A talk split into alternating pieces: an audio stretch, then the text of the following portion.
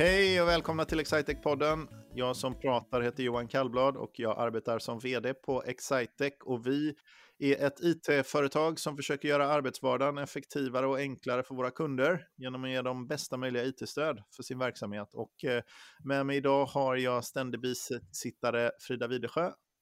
Det har du. Hej Johan. Eller poddorganisatör. Är... Lite befordrad så här nu från bisittare till organisatör. Ja. Och du vet ju varför. Det är ju för att jag har dåligt samvete för att jag missade ett poddinspelningstillfälle. Och det, jag, det gjorde du. Jag det var faktiskt första gången så att jag var lite förvånad. Du brukar ha stenkoll. Så att, mm. eh, men det var ju skönt att se att även solen har sina fläckar så att ja, säga. Jag var lite obalanserad. Det kanske var... Det, det, finns ju poddar ska vi säga som jag inte har varit med på. Men då, är, då har det varit planerat så. Men det här var en gång som jag eh, hade lovat att vara med. Som jag inte mm. var med. Som jag inte dök upp helt enkelt. Mm.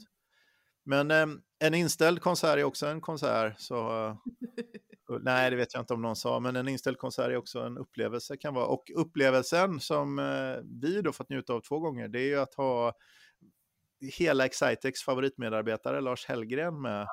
På... men det tog du väl i Johan? ja, jag tog i lite, men det var inte helt. Det var ju du som fick lida mest av att det inte blev någon inspelning, för du fick boka in. Eh, du är en väldigt upptagen man och fick boka in det två gånger. Vi sa igår, jag och Frida, att du är säkert ute och köper upp något företag i Danmark. Ja, men jag var, jag var bara på fel plats vid fel tillfälle. Okej, okay, okay. ja, det var ett skämt. Ja. Det har ju blivit lite förvärvligt på sista tiden, så vi tänkte att du hade farten uppe lite där. Ja, så, så kunde det ha varit. Men ja. Jag vill inte kommentera det. Jag kan inte kommentera det. Nej, jag vet inte. Just det, Johan. Mm. Lars Hellgren från Bördig från Dalarna kanske lyssnarna eh, hörde här. Det är därför vi, vi, vi, det är ett av skälen till varför vi tycker om honom. Det är för att det är så härligt att höra hans stämma. Va, hur gör du? Vi satt och pratade om en annan grej här, Frida och jag. Hur gör du när du eh, pitchar, du vet hisspitch och så här som man pratar om. Vad, vad gör du när du berättar för någon om, om vad du jobbar med och, och, och så där? Hur, hur låter det på dalmål? Alltså, du menar min dialekt? Jag tänkte du skulle fråga min dialekt. ja. Jag tänkte alltså, på... Nej, men alltså, det beror ju på vem man pratar med. Om jag pratar med min granne då, som är 85 år, vad gör de dagarna Lars? Eh, då kan det nästan bli så att jag sitter på kontor och så är jag nöjd med det.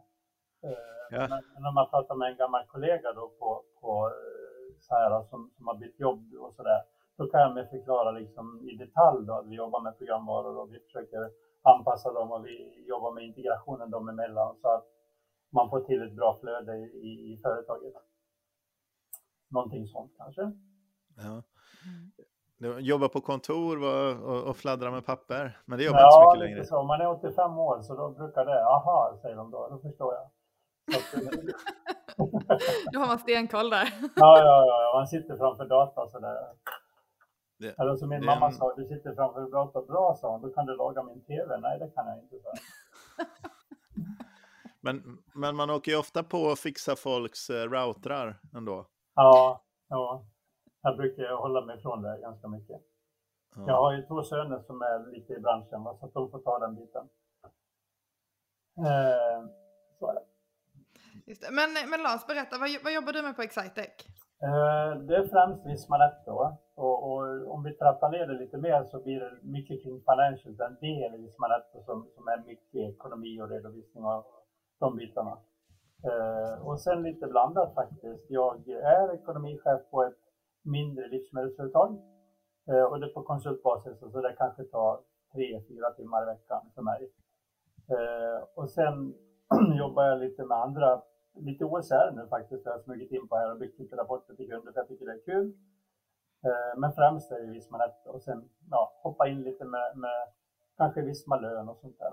Lite kring det hela. Det är inte, Lars, det är inte säkert att alla våra lyssnare vet vad OSR är. Ah, okej. Okay. One Stop Reporting, det är ju ett rapportverktyg ungefär som Klick om man har hört det namnet.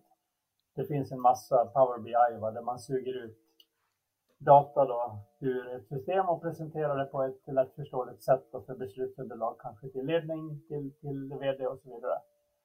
Så OSR då är en del som passar väldigt bra ihop med Vismanet. Hur, hur stor del av dina kunder tror du är, använder Vismanet som ekonomisystem? Ja, men då är vi uppe på 90 procent tycker jag. Ja. Uh, när jag kom in i bolaget, vilket är nu sex år sedan, då var det en hel del som hade Visma Global faktiskt. Men, men vi har ju sugit över dem till Visma Uh, fått dem har bytt och blivit nöjda där förhoppningsvis.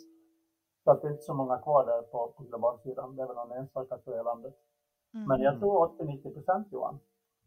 Ja. Någon på Visma Admin också där rycker in ibland. Alltså det är Visma SPC-systemet, Visma Admin som är, som är ett stort, alltså det är väldigt, väldigt utbrett i Sverige. Eh, befinner sig ofta i det mindre kundsegmentet som kanske inte är vår huvudgrupp, målhuvudgrupp. Men vi stöter ju ofta på dem när vi byter, när kunderna växer och så där de behöver lite mm. mer funktionalitet i systemet. Det är ett väldigt spännande och intressant eh, bakgrund på det systemet. Det har ju funnits jättelänge det som heter Visma, Visma Admin, men det, det och det är ett standard eh, eh, system som man inte kan skruva sådär jättemycket på, liksom, utan det funkar som det funkar. Men det har ändå en massa, och det finns ju många andra sådana, typ Fortnox är ett exempel på ett system som funkar som det funkar, eller, eller um, Vismas eget e-ekonomi, men de är ju för de allra minsta då. Det, det finns ändå ett funktionsdjup i den här Visma, Visma Admin som inte finns i de andra eh, liksom, eh, de andra så hårt paketerade systemen. Så även om det börjar bli tekniskt lite gammalt så, så är det många kunder som har stor nytta av funktionaliteten som finns i det systemet. Och det, ofta kan det vara att när du ska byta upp till en modernare plattform och för att nå samma funktion så kanske du måste lägga fem eller tio gånger så mycket pengar. Alltså inte dubbelt så mycket pengar, inte 50% mer, utan fem gånger så mycket eller tio mm, gånger mm, så mm, mycket pengar. Så det är, det är, fantastiskt mycket funktionalitet för pengarna. Det är därför många kör, kör kvar i det, antar jag. Det är i och för sig ingen skillnad. Det är lite som om man kör en gammal bil och ska byta till en ny modern bil. Då kan man också få lägga fem gånger så mycket pengar som en Så det kanske inte är så konstigt om man nej, tänker på det. Och jag tänker lite så här också när man har ett system som har så många år på nacken. För det måste vara 25-30 år, va, tror jag, på Visma ja, det är, grunden är säkert så. Ja, men tänk vad mycket funktionalitet man har haft tid liksom att ja, men vi lägger till den utan vi lägger till den under alla, alla år. Sen är det som du säger Johan, rent tekniskt om man jämför med cloud så är man inte där. Men, men just att i den rutan kan man göra det också. Man har hunnit med, haft tid att mm. utveckla allt det här. Mm. Så därför är det en utmaning ibland att byta en sån kund just för att man tappar de här ja, små finesserna som man kanske tycker borde vara standard. Men som inte är det egentligen i andra systemen som finns i admin. Mm. mm. Spännande ju. Men vad heter det, mm, Lars, du blev ju faktiskt tipsad om att vara med i den här eh, podden från eh, vår kollega Mirsa som var med mm. eh, i ett avsnitt för någon vecka sedan. Och eh, när vi pratade igår Lars, då, då hade jag ju fått bilden av att han, eh, eller att du var hans mentor. Men så var det ju inte då, utan du, vi kom ju fram till att du är hans mentala mentor. Kan du inte berätta? Ja. Okay. hur, hur kommer det sig att eh, du och Mirsa haft kontakt? För Mirsa sitter ju i Helsingborg och du sitter i Borlänge. Mm, ja, men det är en liten annorlunda historia. Som, som, eh, jag såg ju när han presenterade sig, han gjorde en shootout. Eh, och eh, då fastnade jag på en sak, att han hade pysslat om får i, vad var det, Serbien, Kroatien?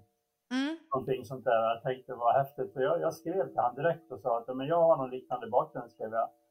Eh, och, och, jag hade då, när jag var, jag, jag är ju sprungen liksom, det som Johan nämnde då, eh, i ödig mark i Dalarna. Och eh, har bakgrund då inom jord och skogsbruk. Så jag, jag for ner till Australien faktiskt som 19-åring och jobbade på en stor farm där ett år. Och det var en massa, massa får och hundar och, och motorcyklar och sånt som vi skötte om då. Och pysslade. Vi använde motorcyklarna och åka runt till de här jättestora egendomarna och och då hade man sin egen hund och sådär, så vi hittade varandra på just den grejen. Jag och Mirsa. Sen, sen dessutom, han är ju väldigt trevlig Mirsa och underhållande och sådär. Så, det var. så var det. Ja, ja väldigt härligt. Hur, hur, hur, tog du klivet sen ifrån, uh, ifrån att uh, vara fåraherde på motorcykel till, till att bli uh, eh, IT-konsult och ekonomichef? Ja, det vet jag inte själv riktigt Johan. Jag menar, jag hade ju den bakgrunden med mig från början och då kändes det kanske lite naturligt att testa lite sina vingar och flytta utomlands och sådär. Sen var det väl kanske inte riktigt det jag ville jobba med. Utan sen blev jag ekonom och utbildade mig och sådär. Du syftade på att fåraherderiet var inte det du ville jobba med? ja, eller skog och jord och pyssla med det på heltid Ja. var väl inte riktigt min grej. Så Mm. var det. Just det. Så då Så pluggade du ek- till ekonom och eh, började jobba med ekonomi. Ja, Eh. jag, satt- jag satt på revisionsbyrå och redovisningsbyrå i tio år kan man säga innan jag klev över där då och pysslade med den organisationens programvaror och blev ansvarig för just faktiskt Visma Admin då, och lite Hogia och lite sånt där andra system då. Och det var så jag kom in på den här banan och sen Sen bildade jag eget och sen eh, hoppade jag in i, i ett annat företag som i sin tur blev uppköpt till en av våra konkurrenter och så, ja, och sen blev det Excitec. Till slut 2016. på, lite, på lite olika vindlingar och vägar. Men du var ju otroligt tidig på den här programvaran som heter Vismanet. Eh, det, vi pratar ju olika mycket. Ibland pratar vi mer om innehållet i vad vi gör och ibland pratar vi mindre om det, bara om, om personerna. Men eh, du är ju en av de absolut första i Sverige att bli, att bli eh, frälst i eh, programvaran Vismanet och det Mm. systemet. Vad var det som hände där? Det var i den vevan när vi var några stycken som bildade eget egentligen och vi sökte en programvara som, som var cloudifierad och som, som vi kunde bygga någonting för framtiden. Och samtidigt var det ju väldigt få som hade någonting att erbjuda på marknaden. Men Visma var en av dem och, vi kände att om vi går all in här då har vi ett litet tidsmonopol gentemot våra konkurrenter. Då kan vi liksom skapa en liten korridor med kunskap och komma ganska långt. Eh, vilket vi också gjorde då, tycker jag. Så att, eh, det var spännande tider faktiskt. Och det var ju, det var ju absolut i sin linda det här och Lars Roos på, på, på Visma då. Vi hade liksom egna sittningar med han. Och han var den enda på den svenska sidan och på Visma-sidan som kunde programvaran. Och liksom, vi blev väl, eller han blev väl vår mentor då in det här då i, i hur vi kom in i det här och sådär och fick våran första kund och, och ja, det var jättespännande. När, när var det här? Var det, är det tio år sedan eller ungefär? Liksom, Ja, när rörelsen? Alltså 2013 så smög vi väl igång då och sen 2014 fick vi första kunden. Mhm. Så, så det, var, det var tidigt, det var det. Mm. Så att det. vi, vi, och då fanns ju, det fanns ju bara den här, egentligen var det ju en, en, bara en bokföringsmotor i. Det kunde- Man kunde knappt göra en kundfaktura för det. Eh, Men, men just att den var, fanns på cloud att, vi kunde, att, man, att man hade någonting på marknaden man kunde presentera till en nyhet. Eh, Så att eh, det var väl lite early adopters då som, som vi, vi riktade oss mot på kundsidan. Som, ja, som ville vara längst fram där, tänker jag. Som ville testa någonting nytt och hur det var att jobba mot webb och så. Mm. Vad, vad har hänt med programvaran sen eh, dess då, eller tjänsten, eller vad man nu kallar det för? Det är ju en programvara, men eftersom den levererar, det är ju ingen programvara som man installerar lokalt hos sig själv, utan den är ju, ehm, den körs faktiskt, eller den körs i molnet brukar man ju säga, men egentligen så körs den ju på Amazons eh, i AVS. Ja, Så den ja. körs nog i eh, Västerås, va? Eller Eskilstuna, Ja, eller vad det är. jag inte. Nej, det vet jag inte. Det jag Nej, inte. den körs väl virtuellt lite grann överallt, men AVS är ju stora i, eh, där i alla fall. Men vad, vad, vad har hänt med programvaran som du tycker om nu? Varför, varför tycker du fortfarande den är schysst att jobba med? Nej, men jag, jag gillar ju det här med att man slipper. Jag, jag kommer ju från en värld där man behövde installera på servrar och det var uppgraderingar och alla skulle hålla reda på vilken version har du, vilken funktionalitet har du då och så vidare. Plus att det var förenat med ganska stora kostnader att uppgradera. Eh, och sen enkelheten då att man kan, jag kan använda telefonen, jag kan logga in var som helst och, och, och sen att uppgraderingarna nu sömlöst och rullar ut. Alltså man, man, man öppnar upp datorn på morgonen och man säger okej, här var en ny uppgradering i natt. Det bara rullar. Eh, och sen, sen har ju den utvecklats, jag tänker på funktionalitet eh, och vad den klarar av idag. Det är en enorm skillnad mot vad det var 2014.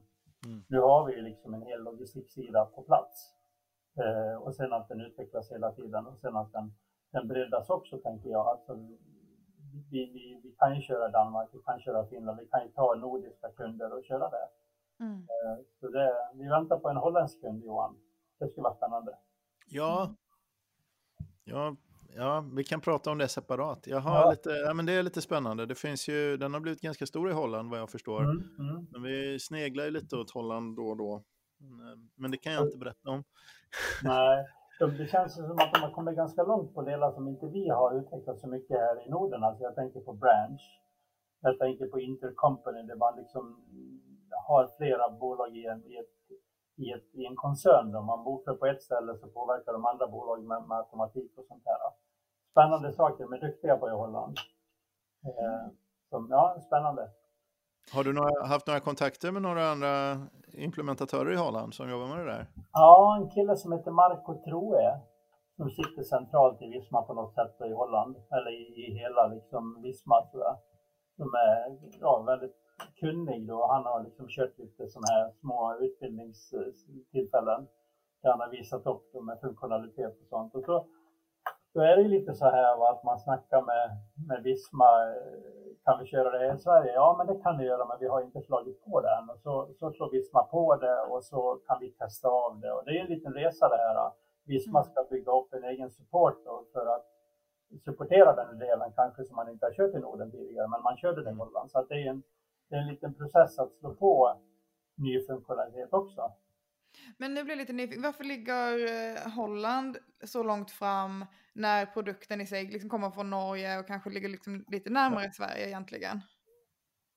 Det, det, vet man väl inte riktigt, men Nej. det är väl så här, jag tror att det beror lite grann på vilken målgrupp man gått efter. Dels kan det vara lokal affärskultur, men eh, en målgrupp som jag vet att de jobbat mycket med, det är sådana här redovisningsbyråer och sånt i, i Holland. Och då går man efter den målgruppen. Visma är, eller så kan man nog egentligen säga, affärssystem generellt är ganska lokala. De kan vara, eh, liksom, de kan vara de är till vissa delar så är de ju naturligtvis helt lika. För att flytta en låda gör man på samma sätt i Tyskland som i Sverige och sådär. Men vissa delar är ändå ofta lokalt, till exempel liksom hur lokala banksystem och mm. betalningar och sånt fungerar, lite lokal skattelagstiftning och så vidare. Men framförallt så blir det ju då då kan det sedan tidigare ha vuxit fram konkurrensbilder, olika gamla system som vi berättade om det, Visma Admin som är jättebra för en jättebillig peng men lite föråldrat. Det systemet till exempel finns inte i Norge i motsvarande mån. Mm. Och då väljer man liksom lite olika målgrupper. Man har samma kärnprogramvara, men så tittar man i, i, här i Holland så är marknadsopportunityn framför allt på den här typen av bolag. Men de kanske har någon annan lokal programvara som är jättebra för att lösa något som vi tycker är kärn mötet i, i um, Sverige. Då. Men det är också faktiskt anledningen till, det är ganska roligt tycker jag att jobba med programvara från Visma, för Visma tillåter mer av lokal variation, medan ett företag som så här, SAP, stort tyskt affärssystemsföretag, de, de har ju mer, men de riktar sig då till multinationella företag där man, där man ska mm. köra på exakt samma sätt och inte ta hänsyn till lokala strukturer. Men Visma då som går till mer till midmarket, eh, till medelstora företag, då, då får man liksom vara lite, lite lyhörd för lokala konkurrenssituationer och affärsstrukturer. Då. Det var min gissning, Lars. Har du någon bättre gissning? Nej, jag håller med dig. Nej, jag har ingen sån. Jag, jag bara kommer ihåg vad Marco snackade lite om. Mycket, mycket lantbruk kör, kör Vismanet i Holland. Och jag vet inte riktigt varför. Det var, alltså lantbruk med många olika bolag. Mm. Uh, jag, jag, kan inte liksom hur deras struktur ser ut. Varför bildar man en massa bolag om man har egen jordbruksfastighet? Jag vet inte varför. Om man har en massa fastigheter då kanske. Mm. Och då kommer vi tillbaka till det här med företagsgrenarna branch då, att det är väldigt populärt där. Precis. Men eh, hur är det med Danmark eh, och Vismanet? Det är ganska nyligen introducerat i Danmark faktiskt, så de har bara, bara precis nu eh, egentligen börjat marknadsföra det. Vi har ju ett gäng kunder och hälften av dem är nog egentligen svensk, dotterbolag till svenska företag som vi jobbat med i Sverige, men sen har vi ifrån Danmark eh, också sålt. Eh, kanske tre, fyra stycken, så inte jättemånga. Så vi har, vi har max tio kunder, men jag tror att vi är ganska klart störst på den danska marknaden. Så du, du förstår hur litet, liksom, mm, det är mm, verkligen, mm, verkligen i sin, i sin linda där. Men vi i Sverige kanske har ja, 200, 150-200 kunder som, som använder det här systemet, så kanske det är på sin höjd 10, i, om ens det, i Danmark. Jag, jag har en fråga där. Eh, jag tänker så här, Norge, Sverige, det känns väldigt så här, lätt att hoppa över gränsen och jobba med norska bolag. Men, men Danmark så här, ja men det funkar, men det är en annan konkurrenssituation kanske. Det här kan du Johan på Danmark. Det är inte självklart kanske med, med Vismanet beroende på att det finns de här aktörerna. Men hur är det på den finska marknaden? För det är lite lika där, va? att vi har svenska bolag som har dotterbolag i Finland. Och det, det betyder då att vi har sju kunder i Finland. Men, men hur ser, hur ser liksom konkurrenssituationen ut på finska marknaden? Eh, vet du vad den svåraste konkurrenssituationen i, i Finland är egentligen? Dels, det finns en, en stark SAP-tradition i Finland från stora bolag, men den, eh, det berör ju inte oss speciellt mycket. Eh, men så den, de har varit lite mindre. Vi, I Sverige har det alltid funnits väldigt många olika affärssystemsleverantörer. Det har alltid varit en uppsplittrad marknad, där inte någon, men i Norge är Visma mer dominant.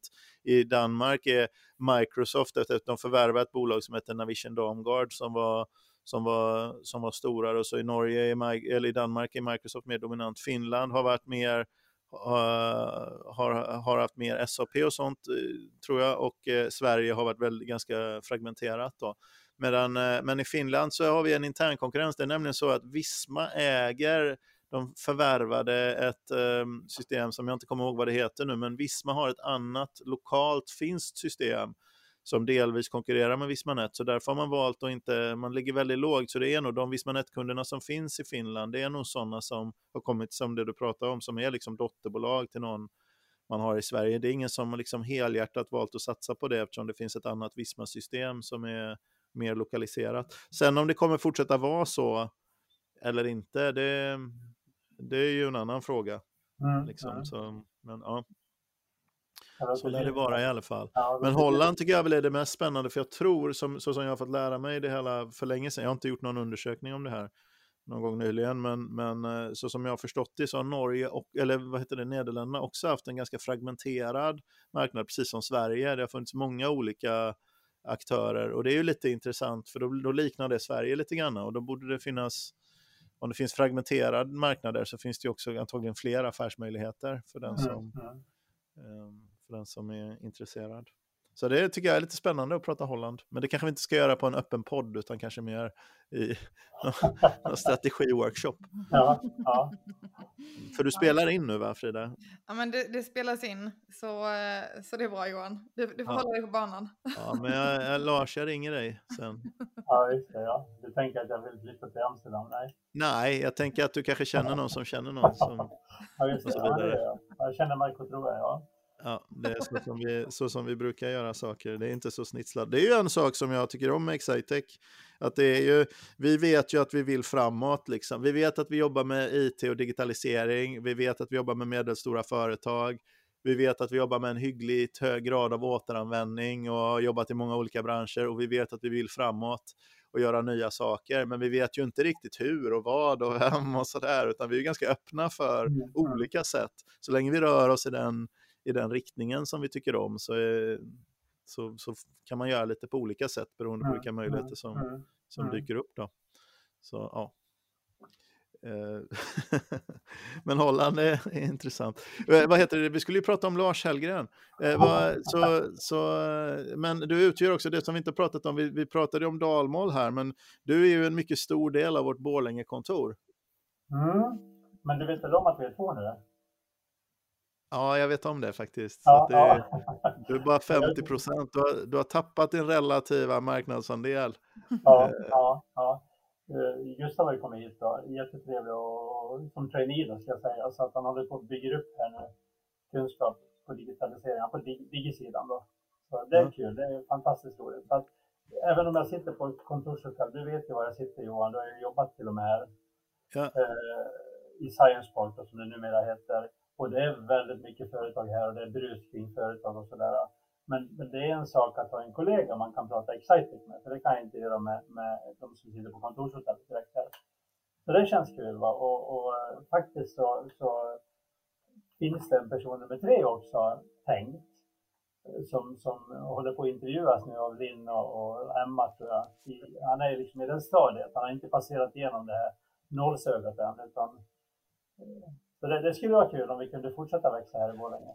Ja, för jag tror, kommer man väl över någon, för vi vet, jag har ju vetat länge att eh, det finns väldigt mycket företag och medels, det finns ett starkt företagsklimat, även om Borlänge är ju känt mer som storindustri och, och sådär, men det är just Borlänge, men i Dalarna generellt så finns det ett ganska starkt eh, företags, eh, mm. traditionellt företagsklimat. Mm, exakt. Så, vad är det bästa med Borlänge annars? Ja, nu, alltså jag ser ju dem i alpin från, från mitt fönster här. Så att, ja, annars, annars, men du, du, du satte finger på lite Johan, företagsklimatet skulle jag säga. Att det, att det inte liksom, det vilar inte på, alltså man har gjort den här konverteringen från gammal industristad till en massa småföretag väldigt bra tycker jag. Så att det innebär ju att det finns en massa växande småföretag i staden, vilket den växer ganska mycket också med, med dalamått mätt ska jag säga. Så att eh, man är ganska framåt här tycker jag. Det är bra. Har vi kommit till den delen av podden då nu när, när någon ska berätta om eh, något och någon eh, här är ju, vi har ju ett avsnitt i podden som heter precis så och eh, idag är det ju du som är någon Lars, om vi kanske har saboterat det här genom att och, och fråga om Borlänge om det var det du hade tänkt berätta om men nej, eh, nej. är det någonting som du vill prata om när du får välja ämne? Jag fick lov att fråga Gustav här, min nya kollega, vad jag skulle säga för någonting då. Eh, och jag tänkte prata om odling Eh, jag tycker väldigt mycket om att odla på friland som det heter, alltså inte växthus.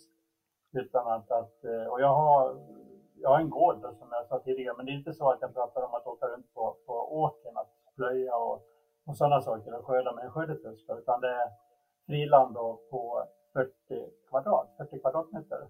Som jag Oj! Ja men det är ändå stor odling då ju. Ja men det är det. Och det här intresset kom till mig för egentligen bara 5-6 år sedan. Eh, och tidigare så har jag bara haft ett potatislandljud så att mina två barn då, Martin och Johan ska få se då att man, det kommer faktiskt mat ur jorden. Eh, pedagogiska man vill tillföra då sina barn. Eh, men för 5-6 år sedan så då liksom, jag petade ner lite morötter, lite palsternackor och jag upptäckte liksom en passion för det här att arbeta med jorden, bara att stoppa ner spaden, vända på jorden, att känna att här finns liksom, ja, livet på något sätt. Och ett frö kan bli en morot.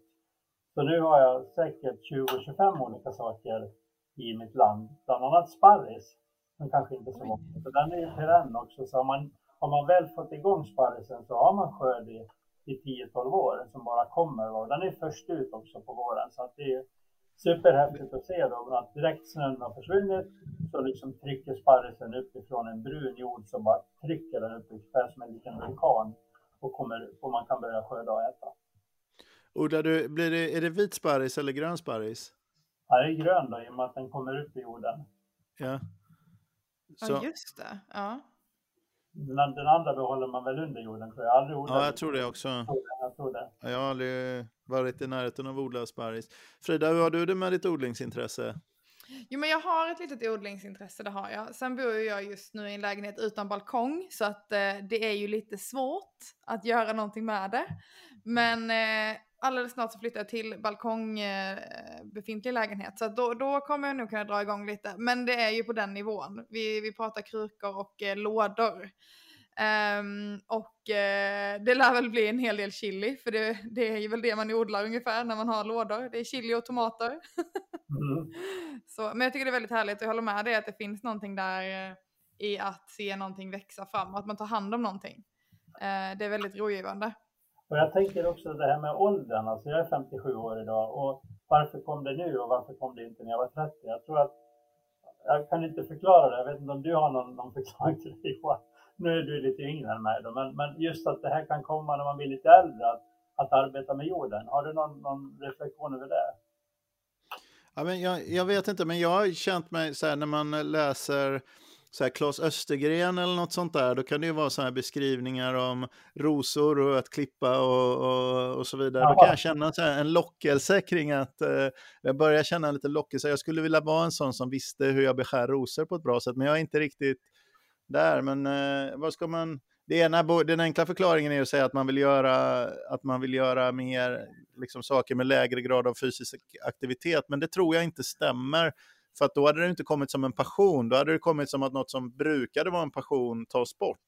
Men det här är ju mm. någonting som kommer så, som ett intresse. Men det kanske är någonting med, om vi ska vara poetiska, livet och eh, att se någonting skapas och återfödas och så vidare. Att det är en sån eh, reflektion, man kanske behöver ha ett lugn. Ja, men det var eh, någonting där som jag sögs in i, va? Som, var, som var, alltså det var lite magiskt. Va? Jag har funderat över det där, den där kraften, den där lusten att, att arbeta med jorden, var den kommer ifrån. Mm. Men växer det här, eh, ditt, ditt, din odling då, växer den med några kvadratmeter varje år? ja, den gör ju det och tyvärr då, så att jag har ju satt stopp för den nu här. Nu är inget, större till nästa år, utan det blir, jag måste ju också känna att det inte blir för mycket liksom, utan det, det jag har en bra nivå nu med mina 40 kvadrat. Mm. Men eh, då är det potatis och rotfrukter och sådär, antar jag? Ja, ganska mycket kål också. Jag, jag har väl som alla, alla som odlar då kål har väl brottats lite med de här larverna som kan komma på kål. Då. Men, men nu har jag byggt ett litet sånt där tält över ett litet, en liten koja över min kål. Så nu funkar det. Nu har jag inga larver alls de sista åren här. Och där har jag då grönkål, då, svartkål och purpurkål och sådär. Men vad tycker du är bra? Vad är bra nybörjar? Eh, vad är bra nybörjar eh, odlingsmål liksom? Eller? Det måste ju vara någonting man tycker om att äta. Morötter brukar väl alltid gå hem. Färskpotatis tycker väl nästan alla om. Eh, jordärtskocka är väldigt enkelt att odla. Och det brukar många tycka om. Alltså jordärtskockssoppa får man ju ofta ja. på restaurang och sådär. Mm.